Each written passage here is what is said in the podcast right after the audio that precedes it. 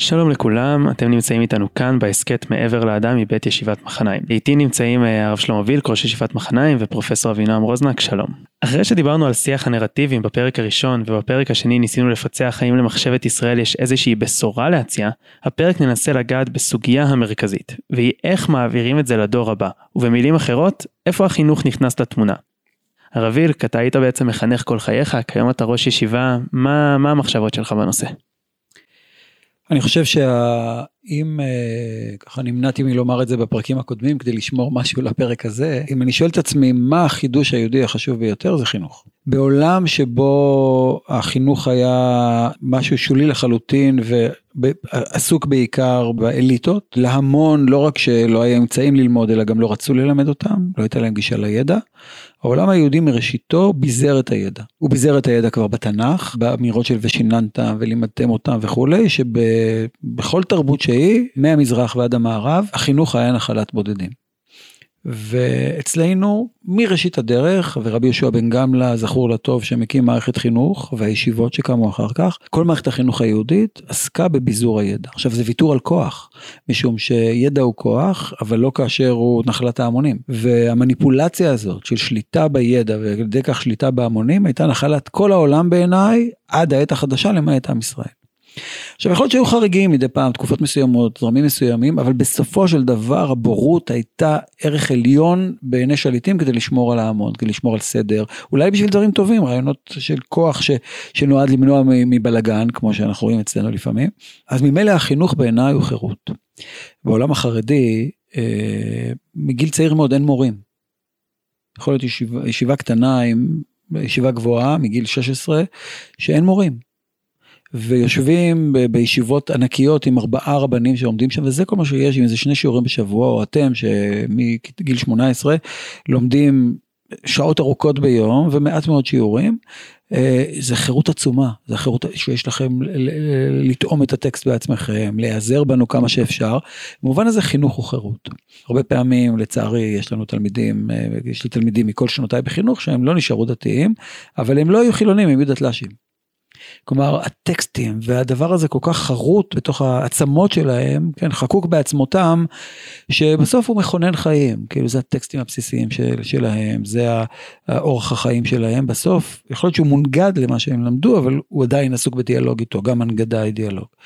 עכשיו, אני מאמין גדול, אני באופן אישי מאמין גדול, ודאי בגילאים יותר מבוגרים, שעליהם אנחנו מדברים, אה, לתת את המגוון הגדול ולהאמין שהלוואי אותי עזבו ותורתי שמרו. בעיניי לפחות חינוך, ואני חושב שהוא עובד, הוא עובד יפה, למרות הכשלים, למרות מה שדיברנו בעבר, בסופו של דבר אל מול עולם באמת שנמצא בזעזועים גדולים מאוד, העם היהודי עדיין מול עולם שהפרוגרסיביות היא לא נחלת רק היהודים, הוא משגשג בכל אופן רק בזכות מערכות החינוך שלו. אני רוצה ללכת בעקבות הדברים שלך, אה, והתיאור שאתה נתת, הרב וילק, הוא באמת יפה לגבי אה, המרכזיות של החינוך בתוך העולם היהודי. זה באמת אה, הייתה מהפכה גדולה. אתה דיברת על מהפכת החירות שנטועה בתוך חז"ל, בפתיחת הידע. אז קודם כל זה מהדהד את השיחה שהייתה לנו מקודם לגבי החירות. אז באמת העולם היהודי בצורה מאוד מאוד עמוקה שונה מהמרחבים הפוליטיים האחרים בכך שהוא מבוסס על ידע שהוא פתוח, דמוקרטי, שהוא מעניק חירות. הוא נותן לאנשים, לכל האנשים, ולא לאיזושהי אליטה סגורה, את המפתחות אל התרבות. דבר שאנחנו אחר כך מכירים רק בעת המודרנית. אותה חירות שחשבנו שהיא המצאה של העת המודרנית. ואז אתה גם תיארת בצורה מאוד יפה את השעות של הישיבה מול הגמרא או מול הטקסט ואת הלימוד שבו האדם הוא זה שמוביל. ופה אני רוצה רק שנייה להשתאות על, על הסיטואציה שאתה מתאר. החירות זה לא נקודת הפתיחה והסיום. המרחב שאתה מתאר הוא מרחב של אנשים שמקדישים זמן מחייהם כדי לשבת מול טקסט שהוא בעל חשיבות ויש היררכיה של הטקסט מעליהם. אחרת הם לא לומדים אותו. הם מתמסרים אליו בגלל שהם חושבים שיש איזשהו ידע, יש איזושהי אמת, יש איזושהי מסורת, יש איזשהו משהו עמוק ואחר שנמצא בתוך הטקסט הזה, והם מחויבים לפרש אותו. והפרשנות קשובה למשהו שהוא מעליהם. החירות מוגבלת. היא נדרשת כדי להיות בתהליך של פרשנות, אבל היא גם מוגבלת כדי לא להפוך להיות לנרקסיסטית. זו מורכבות מאוד מיוחדת. מה שמייצר את החירות של האדם בן חורין זה ההתמסרות שלו למשהו שגבוה ממנו, אני מקבל את זה, כן, אנא נפשי כתבית יהיבית, כלומר שהטקסט הוא אלוקי. גם אם הוא נכתב בידי חז"ל, זה חלק מאיזה התגלות. ברור לי שמי שיושב בית המדרש שלנו, צריך לחוש שכשהוא עומד מול הטקסט הוא בסיני, כן, והוא שומע את דבר הקדוש ברוך הוא, לפעמים דרך איזה מיקרופון, דרך רמקול, כנבואה. כלומר שהטקסט, אתה פוגש דרכו את הקדוש ברוך הוא, אני מקבל לחלוטין, ברור. זו תמונה שהיא מאוד שונה מהמרחב המודרני שאנחנו חיים בתוכו, או המרחב הפוסט מודרני, והתמונה הפנטסטית הזאת שתיארת, שהיא תמונת בית המדרש, אני מכיר אותה, היא לא התמונה המוכרת בתוך המרחב המערבי. במרחב המערבי יש משהו אחר, יש ארון ספרים שאני בונה אה, לעצמי. את החוויה הזאת של לשבת מול טקסט שהוא מעליך, אנחנו כמעט ולא מכירים.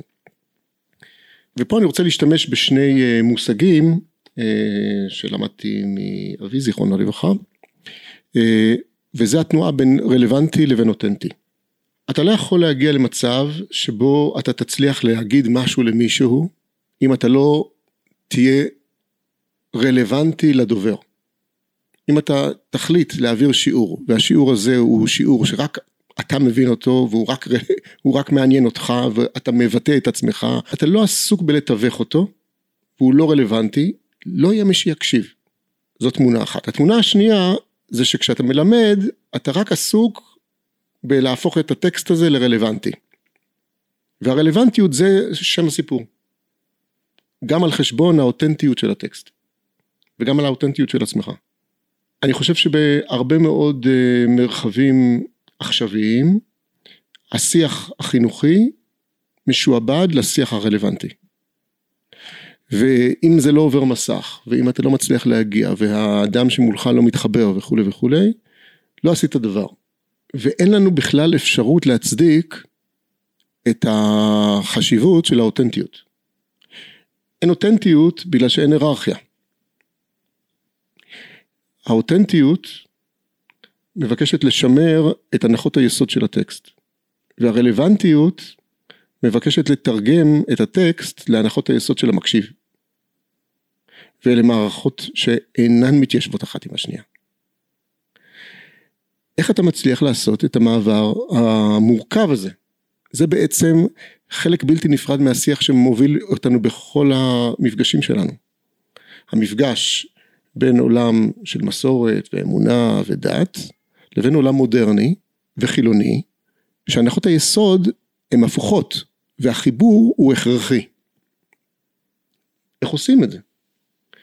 ולכן חינוך זה מיקרוקוסמוס דיאלוגי, מפגשי, זיקתי של כל המשבר או כל האתגר של המורכבות של המחשבה היהודית. ואם אתה תצליח יותר מדי לדבר באופן רלוונטי, יגיד אה זה ממש רלוונטי. זה רלוונטי בדיוק כמו שכל הדברים האחרים הם רלוונטיים. אין שום סיבה לשמור את הדבר האותנטי הזה. אפשר למצוא את זה גם במרחבים אחרים. ואם אתה עוקב אחרי הפילוסופיה החינוכית שמובילה הרבה מאוד מהמשנות החינוכיות העכשוויות, גם בתוך השיח היהודי הליברלי, אתה מוצא שהקול הדומיננטי הוא הקול הרלוונטי. וברגע שאתה מבין את המהלך הזה, אתה מבין שיש פה אתגר שקשה מאוד לרבע את המעגל. אבינועם, אתה חושב שזה משחק סכום אפס בין הרלוונטיות לאותנטיות, או שיש דרך באמת להחזיק גם את שניהם, ליצור גם תנועה אותנטית והיא גם בעצם תהיה המונית, תדבר אל מול הרלוונטיות? אני לא חושב שזה משחק סכום אפס, אני חושב שיש דרכים מורכבות ומעודנות לעשות את הדבר הזה, אבל לצערי זה לא המוני. אמ, זה סוג של קבוצה אליט, של אליטה שמסוגלת לעשות את המורכבות הזאת. הערה אחת בעניין הזה, שוב זה חוזר למה שהערנו כבר כמה וכמה פעמים, שכל אחד בא קצת מעולם אחר, קבוצות ההתייחסות הן שונות. אני חושב שגם העולם השמרני והכאילו, אני יודע, ששומר על איזשהו, איזשהו דיון ארכאי קצת יותר, באופן החיובי אני אומר, הוא גם רוצה להיות רלוונטי, ומה שהוא עושה זה לשנות את החיים כדי שמה שלא רלוונטי יהיה רלוונטי, לא במובן שאני אשנה את ההלכה, אני אשנה את החיים. כלומר זו תנועה שכולם סובלים ממנה לשני הכיוונים, זה לא רק בכיוון אחד. כלומר זה לא רק שהטקסט סובל, בהרבה מאוד מקרים אני נמצא בעולם שהחיים סובלים. כי הם רוצים להיות רלוונטיים. אז התנועה היא תנועה שצריך לדון בה, כלומר אפרופו ההר הזה שדיברנו עליו בפעם הקודמת, של אפשר ליפול לכאן או לכאן, זה יש מדרונות חלקלקים במובן הזה לכאן או לכאן. אבל אני מסכים, אני חושב שאחד מהדברים שלמדנו בעבר, פרק בן סורר ומורה בסנהדרין, השיעור הפתיחה שלי היה לא להצטדק שנגיד בחוקי חמורבי או בחוקים אחרים, הטיפול בבן סורר ומורה היה גלות או מכירה לעבדות ולא הרג של ילד. ותורת ישראל שהתמודדה מול הטקסטים הקדומים הללו, היית מצפה שיהיה איזה, אני יודע, כמו בדיני עבדות וכולי, שיהיה סוגים של הומניזם, ודווקא שם פתאום אומרים לא, לא, לא, תהרוג את הילד. חז"ל נבהלים מזה בפרק בצורה רומה ומרככים ולא אוהב לא נברא וכולי וככה נותנים לזה הגבלות. אבל הדרוש וקבל שכר בעיניי הוא, הוא, הוא הערך העליון שאומר שמה שהתורה אמרה שאם תלמיד לא עומד מול הטקסט והוא מבין שבלעדיו אין לו חיים שהוא משול כמת אין ערך בחייו ואין ערך בלימוד גם כן. אז אני מסכים לחלוטין להתמסרות לא רק לטקסט כמשהו שגבוה ממני, אלא להתמסרות שלי אליו שהיא בשלב שני יותר גבוה, הרבה יותר גבוה, אחרי הרבה שנים, היא מאפשרת גם להיות רלוונטי. אני חושב שזה גם ההבדל בין ישיבה למכינה באופן מסוים. המכינות הוקמו כלתת איזה מענה שזה יהיה רלוונטי וזה איכשהו יסדר את החיים שלך. בצבא לפחות, בוא, בוא ניתן איזה תקופה שזה יהיה רלוונטי מספיק ש, שתוכל בידי הדלק הללו להמשיך הלאה בחיים שלך. ישיבות אמורות להיות עסוק, כאילו חלק מהדברים שלהם זה להיות פחות עסוק ברלוונטיות, אלא עזוב אותך, יש קצת בועה, אני חושב שאני לפחות הרבה פחות עסוק ברלוונטיות.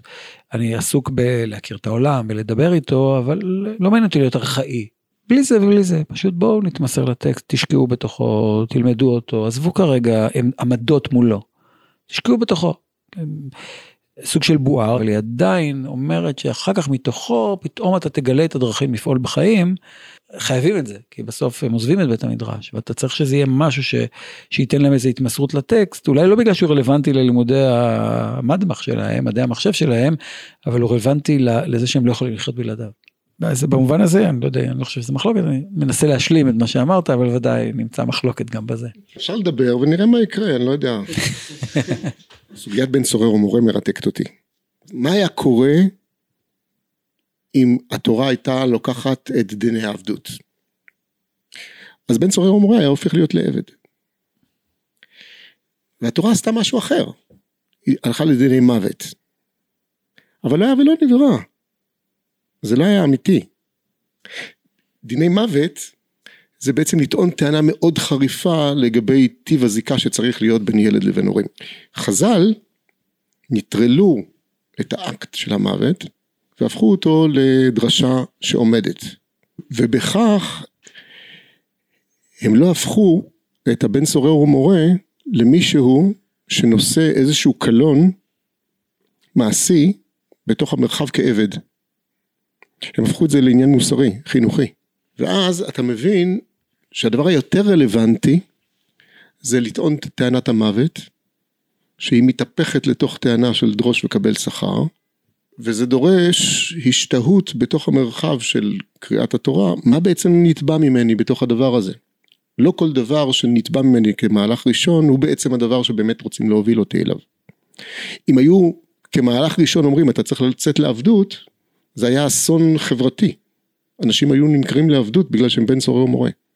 הם לא נמכרו לעבדות כבן סורר ומורה בגלל שטענו טענת המוות וזה קיבל את תמונת התשליל, דרוש וקבל שכר. במילים אחרות, ההנחה היא שהתורה מבינה את האדם בצורה שהיא אולי יותר מעמיקה ממה שהוא מבין את עצמו. לאט לאט, לא כמהלך ראשון. אתה תיארת בצורה יפה כיצד העולם החרדי מנסה לשנות את בני האדם על מנת שהם יתאימו למרחב ההלכתי שהוא צריך להתאים אליו ואת הסבל האנושי שנגרם בתוך הדבר הזה.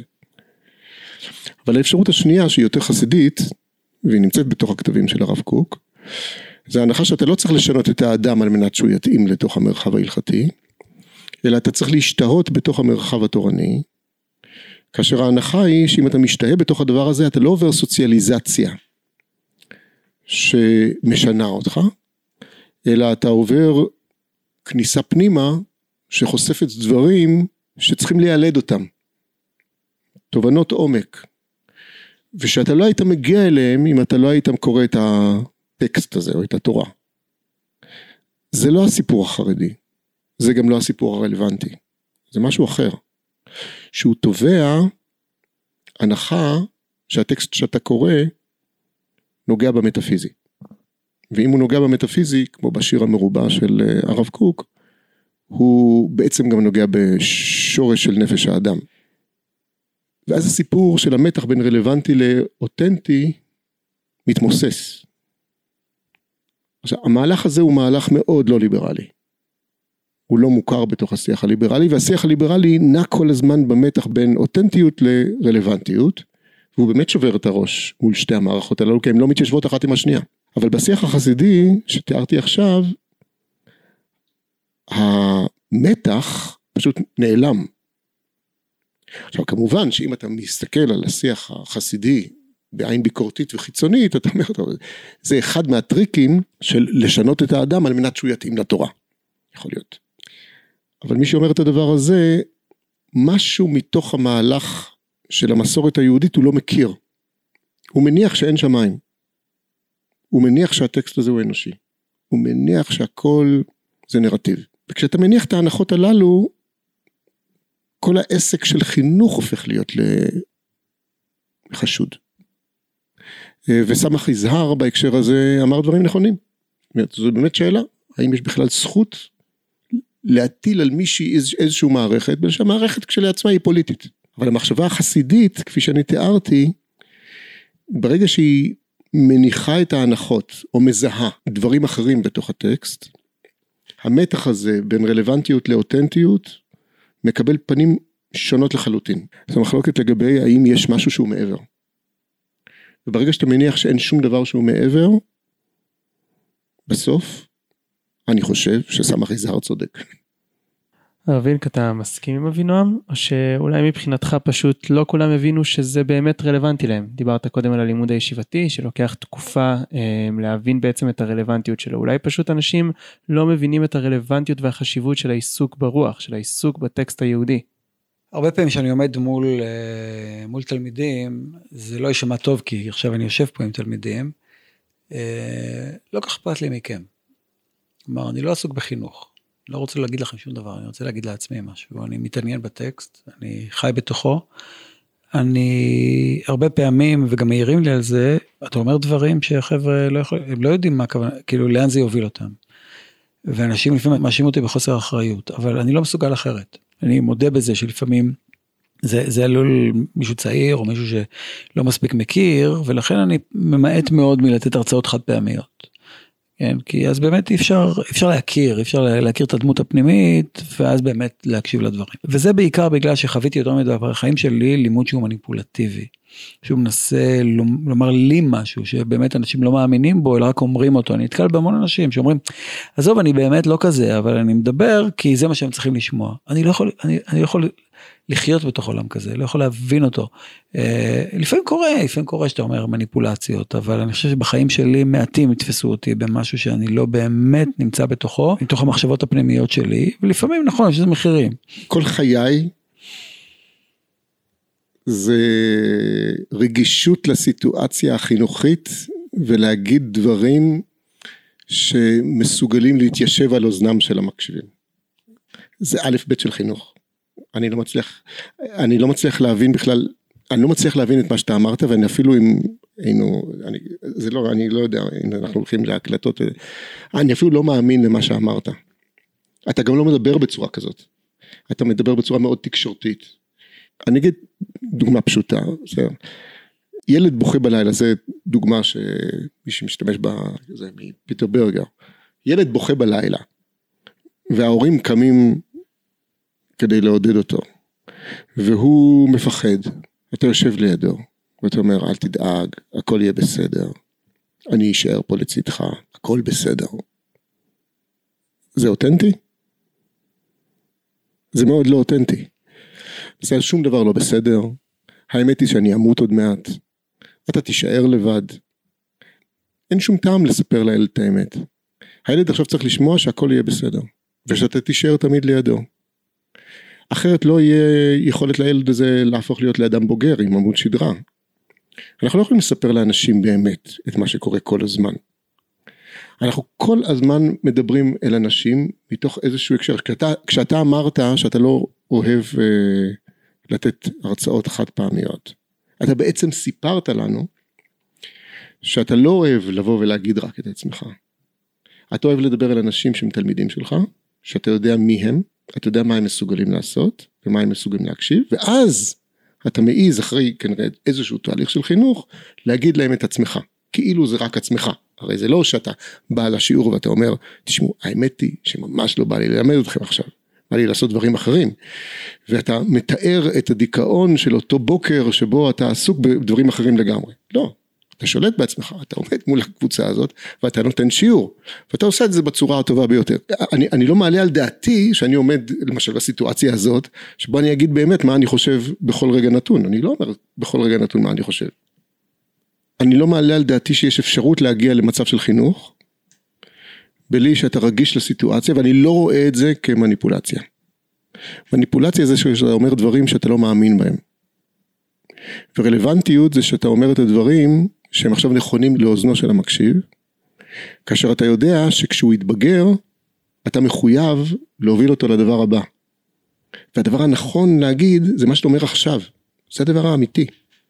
יהיה טוב, הכל בסדר. מה יהיה טוב? עוד מעט כל העולם יתחרב. אתה חייב להגיד לו שהכל יהיה בסדר, אחרת הוא יקרוס. זה א' ב' של פסיכולוגיה של חינוך. אני באמת לא עושה כך, כלומר, אני לא אגיד יהיה טוב. לא משתמש במושגים האלה, זה לא, אני לא יודע אם יהיה טוב. אני, אני, אני גם לא אגיד קיץ' כזה שאני בוכה איתו, זה אני לא עושה, כי אני לא יודע לבכות כל כך לצערי. אבל אני אוכל להגיד לו שתתפלל, או תאמין, כאילו הקדוש ברוך הוא, מה, ש, מה שהוא רוצה יהיה. אה, ותן אמון, כי זה לא אמון בי, הכל יהיה טוב, זה אמון בי, אני לא הסיפור. היכולת הזאת לאיזה אמונה פנימית של ביטחון שניתן לילדים, לא ממניפולציות. ואני אתן לך דוגמה אפילו לגבי, אני יודע מה, כשהילדים שלי היו חוזרים מהגן אה, אה, על בריאת העולם.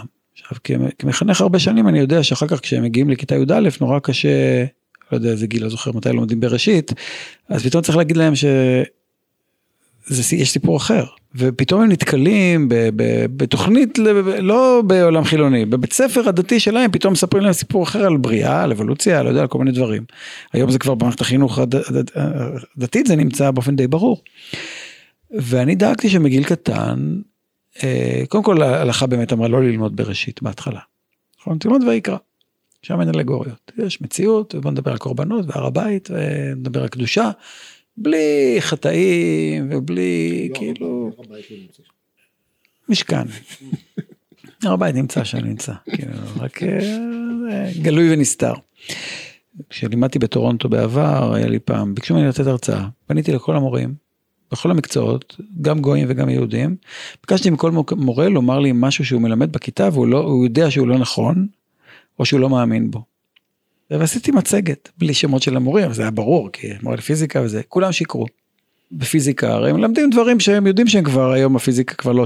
אולי הם לא יודעים שזה עוד יותר בעיה. אבל העובדה היא שכל מורה כמעט מצא את המקום הלא נכון. עכשיו אתה בעצם אומר יכול להיות שזה חלק מהתהליך הזה. תגיד לו תשמע לא הייתה לי ברירה והיית צעיר ולא יכולת להבין תודה כאילו אתה צריך איזה אפולוגטיקה בשביל להצדיק את הקפיצה. ואני מנסה לטעת בתוך מה שאני אומר גם את המקום שאומר יום אחד אתה תגדל ו... כלומר להשאיר מקום להתפתחות הזאת מראש ולא אחר כך. ואני כן יכול להגיד לתלמידים בעצם הייתי שמח להיות עכשיו בחופשת סקי נכון? אני אומר את זה לפעמים. ולא פה. לפעמים אני גם הולך. ואם אני לא מאמין במשהו, אז אני, אני, אני אגיד את זה. כלומר, הכל צריך להיאמר, אבל לא הכל יש זמן להיאמר, ולפעמים צריך לבנות את זה באופן שזה יהיה איזו התמשכות כזאת, ש, שאני אוכל להבין את הרעיון, ולא אתקע כל הזמן איזה ציניות באמצע, ולא אתקע את הטקסט הנגדי, ולא אבלבל, למרות שלפעמים אני עושה את זה. אז ברור שיש מתודה, זה לא שאין מתודה, אבל המתודה, אני לפחות מנסה להיות, להיות אותנטי במובן, לא רק אותנטי מולם, אלא אותנטי מול עצמי. אנחנו פריבילגיים, כי אנחנו עומדים לפני תלמידים בוגרים שהחליטו לבוא אלינו. אבל כאשר אתה נכנס לכיתה א', הם לא החליטו לבוא לשם, הם פשוט נמצאים שם. ילדים רכים, אני לא יודע אם הם מסוגלים לעמוד במעמסה הפסיכולוגית שאתה מעמיס עליהם, אם אתה באמת עושה את מה שאתה מתאר שם. זוג צעיר שבא להתחתן, אצלך, מה אתה עושה איתו? אתה מספר להם את כל האמת על מה זה חיי נישואים? כל חתונה.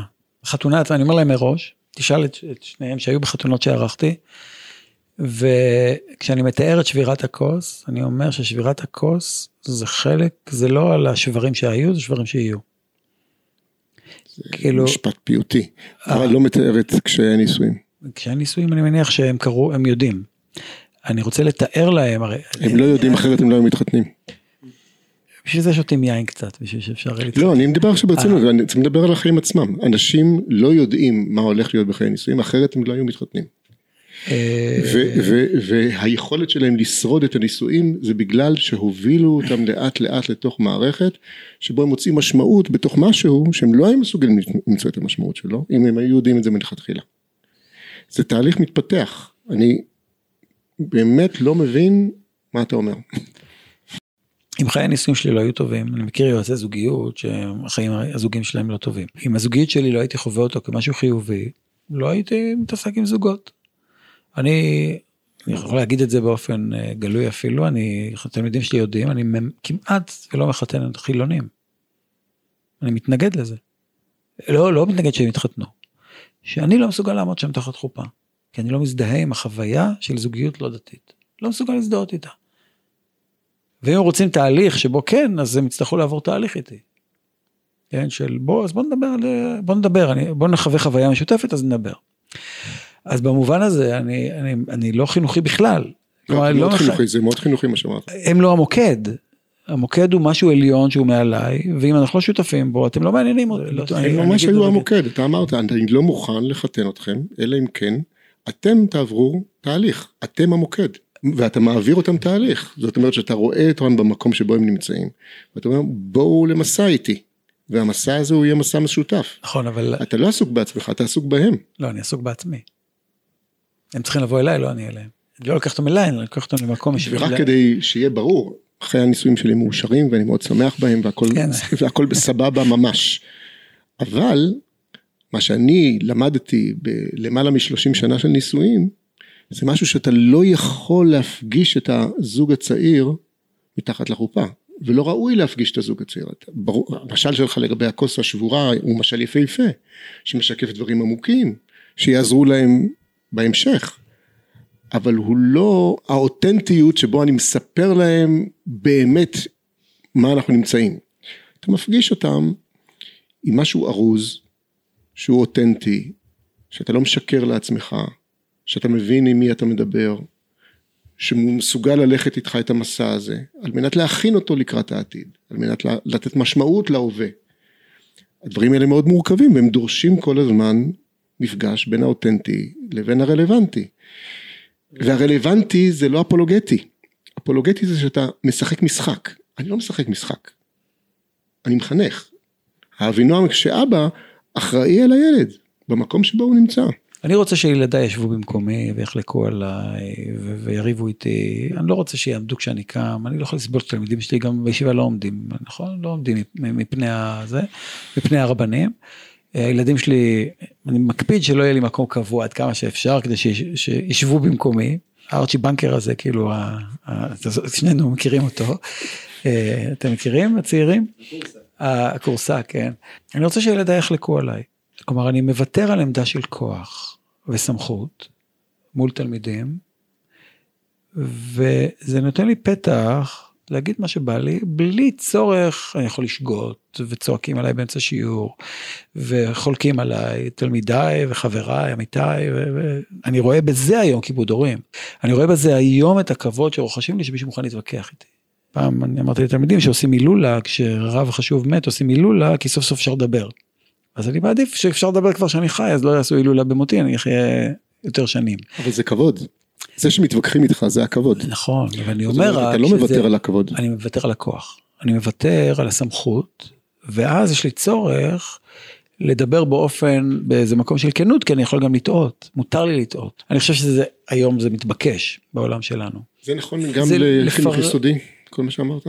זה חינכתי מכיתה א' בחיי ועד מבוגרים בקהילה ועד אה, בני 27 בישיבה. עם הנכדות שלי, אני גם מדבר באופן שהוא גם יכול להיות ביקורתי, ו... אז כמובן שאני לא עכשיו אפתח איתה דיאלוג של אפלטון. ואני לא אתחיל לדבר איתה על... אה, למה לא? זה מה שבא כי לך היא לא לעשות מסוגלת. להבין, זה אוקיי. משהו אחר. זה רלוונטי. בסדר, זה משהו אחר. על זה דיברתי. זה רלוונטי לתקופת גיל מסוימת. אני לא נגד רלוונטיות, אני רק אומר שהרלוונטיות היא חייבת להיות משהו שהוא לא מניפולטיבי. זה מה שאמרתי. כן, נעזוב רגע אפלטון, אבל ניקח גמרא, בסדר? אוקיי. דיני טהרות. אז אז יש. לזה, בסדר, אז איפה איפה זה פוגש ילדה בכיתה, הרי חז"ל כשאומרים בוא נלמד מסכת, אה, ספר ויקרא עם- עם עם ילדים קטנים, זה החומש הראשון שהם פותחים, הם התכוונו למשהו, הם התכוונו לזה אה. שלא אכפת להם הרלוונטיות. נכון? זה מעניין. ו... זה חינוך חרדי. אני לא מסכים. אז בוא, בוא נתרגם את זה לשפה שלהם ונראה איפה, איך ילדה בכיתה א' מבינה מה זה להגיד תודה. אני מבינה מבין. מה זה, זה ו- תרגום מאוד יפה מה שעשית. באמת, תרגום ממש יפהפה, כדי להסביר מה קורה בספר ויקרא, אבל אני חושב שבאמת, כך אני מבין, הבחירה בספר ויקרא זה חינוך שאומר, קודם כל אותנטיות. הרלוונטיות לא מעניינת אותי. אתם קודם כל תבינו שיש מסגרת ואתם מחויבים זה לה, בכל מקרה כולנו נקודה. עושים. כולנו עושים. כשאתה, מתחיל לקרוא את הספר בראשית, כשאני שם כיפה לילד בן שלוש, לבן בן שלוש, לא, זה- ושמתי, אני זה- לגמרי, זה ברור, זה ברור, שם. זה שם, אבל כשאתה מתחיל את תוכנית הלימודים בספר בראשית, אתה בעצם אומר, כדי להאהיב עליך את הדבר, נתחיל בסיפור. אני מאוד מתנגד לזה. יכול להיות, בסדר, אני רק אומר שזה הפילוסופיה שעומדת פה, מול הפילוסופיה שעומדת. שם, בספר ויקרא. אני לא התחנכתי ואני לא חינכתי בפתיחה בספר ויקרא. פתחתי בספר בראשית, והבתי ספר שאנחנו שולחים את הילדים שלנו, פותחים בספר בראשית. יש לזה השלכות. זה נענה לשיח הליברלי. טוב, אז uh, כדי לסכם קצת את uh, מה שהיה לנו פה, הרב וילק, אתה בעצם טענת uh, שעקרון הרלוונטיות לא כל כך מעניין אותך, ומה שחשוב לך זה האותנטי, ומה שרלוונטי עבורך, וככה זה גם הופך למעניין עבור אנשים אחרים. Uh, לעומת זאת, אבינועם, אתה כל הזמן דיברת על כך שאתה עסוק בלתרגם ולנסות להיות על הציר הזה בין הרלוונטי לאותנטי. כל הזמן למצוא משהו שידבר גם אל האנשים, אבל מצד שני יישאר עדיין אותנטי באיזושהי מידה. Um, אני אשמח לשמוע משניכם, האם אתם יכולים לתאר אולי את הכשלים, את הדברים שמהם אתם לא מרוצים במערכת החינוך הדתית, אה, איך שהיא נראית כיום, ואולי גם לשמוע על פי מה שדיברתם עד כה, האם יש לכם מודלים שאתם רואים כיותר מוצלחים. אה, הרב וילק, אני אשמח לשמוע מה יש לך לומר בנושא. אה, טוב, אם נקשר את זה לשאלה של הרלוונטיות, אני חושב שהרלוונטיות היא מכשול גדול בחינוך, משום שבסופו של דבר, אני מתרשם הרבה שנים גם כתלמיד ובעיקר כמערכת, ש- כ- כמורה במערכת החינוך מכיתה א' ועד אה, קהילה של מבוגרים אה, פה בבית הכנסת, שאחד מהדברים שהרלוונטיות עושה זה במקום לגלות היא מסתירה. כלומר היא עסוקה ברלוונטי זה כמו להגיד לסוס לשם הולכים. כי זה רלוונטי. זה, ואתה שם לו את ה blind, אתה שם לו את המחסומי העיניים, ואתה מראה לו דרך מסוימת, ואתה אומר לו לשם הולכים. ואני מרגיש במערכת החינוך, אה, כשתלמידים שלי למדו היסטוריה, או לשון, או תנ"ך, או גמרא, או מה שלא יהיה, כמעט בכל מיני, אזרחות כמובן, אה, יותר מאשר באנו לגלות, באנו להסתיר. באנו להסתיר לפעמים חירות, באנו להסתיר ביקורת, באנו להסתיר אירועים מסוימים בהיסטוריה שלא נוחים לנו.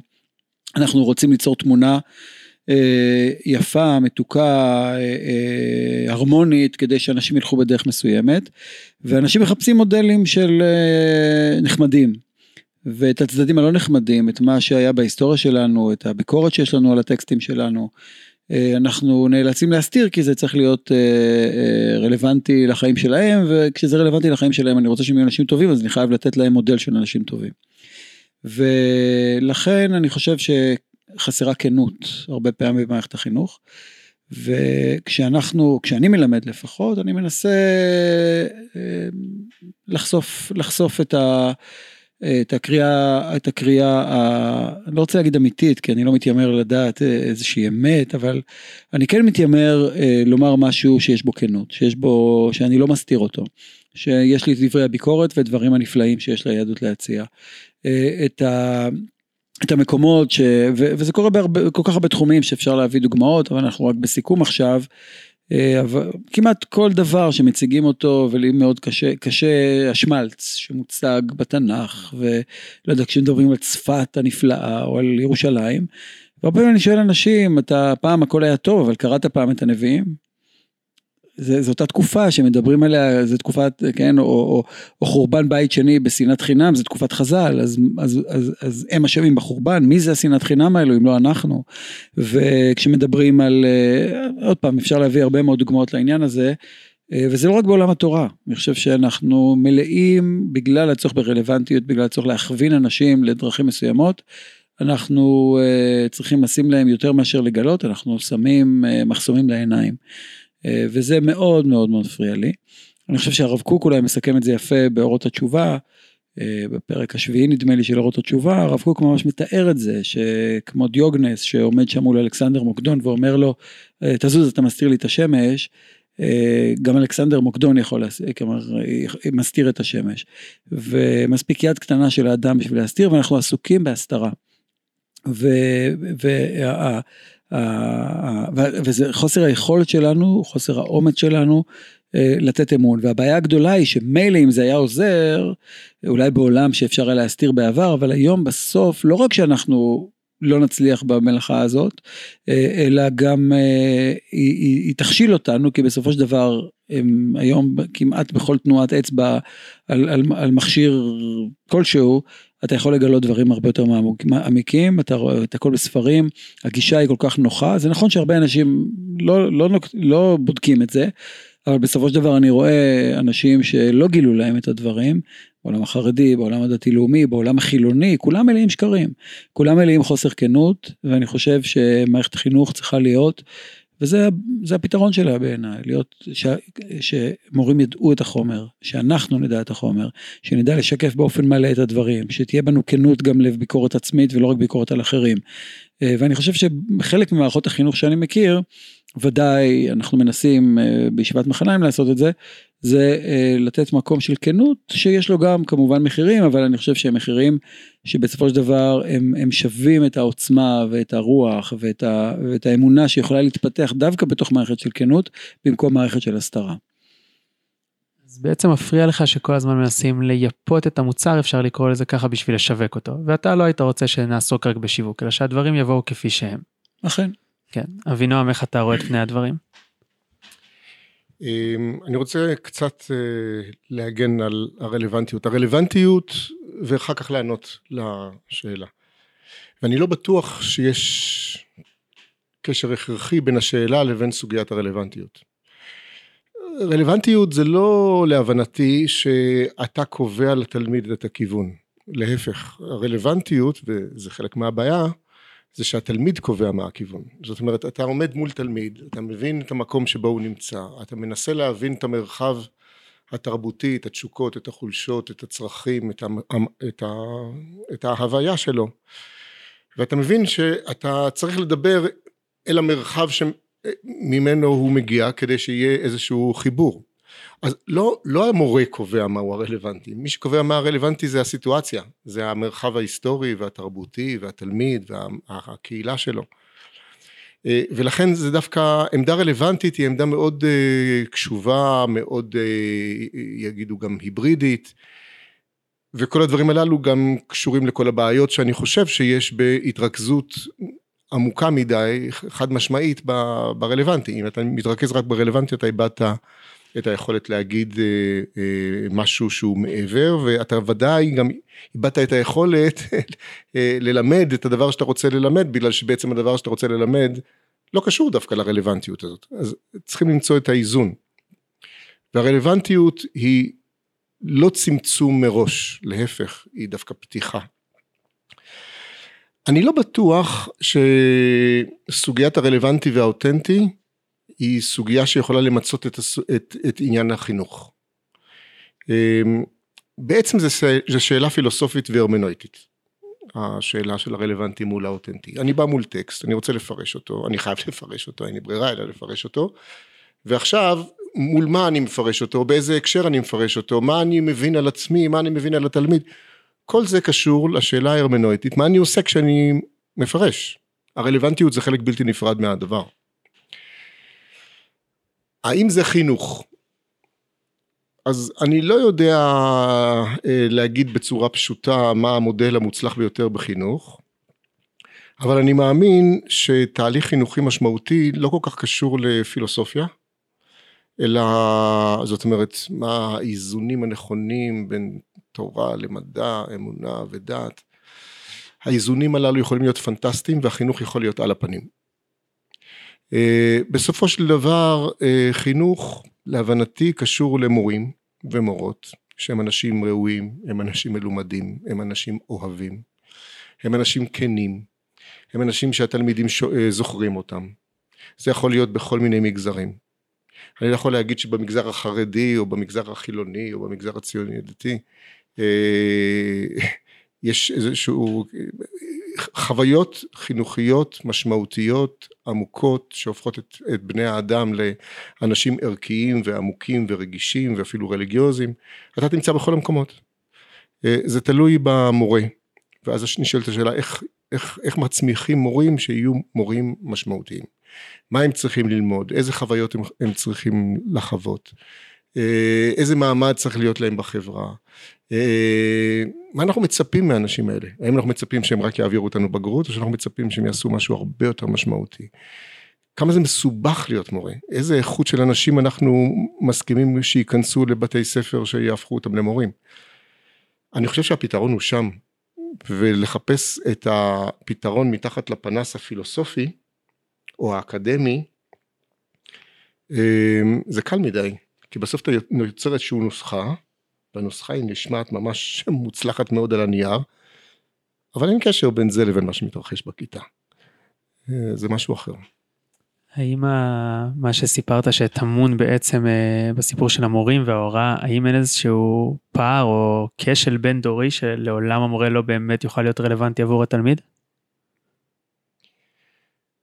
אני חושב שהמורה יכול להיות מאוד רלוונטי לתלמיד, אם המורה, אם התלמיד יבין שהמורה נמצא שם אה, מתוך אהבה, מתוך מסירות ומתוך מחשבה שיש למורה מה לתת לו אה, והוא יהיה עוד יותר רלוונטי אם הוא לא יהיה רק רלוונטי. רק רלוונטי זה לעשות נחת לתלמיד שנמצא מולי. ולהיות באמת רלוונטי זה להבין איפה התלמיד נמצא ולאתגר אותו למקומות שבו הוא לא, אליו הוא צריך להגיע ולתבוע ממנו ולהכניס אותו למרחב של מחויבות. והדבר הזה קשור להבנה של התלמיד בסופו של דבר שהרלוונטי הוא לא חזות הכל.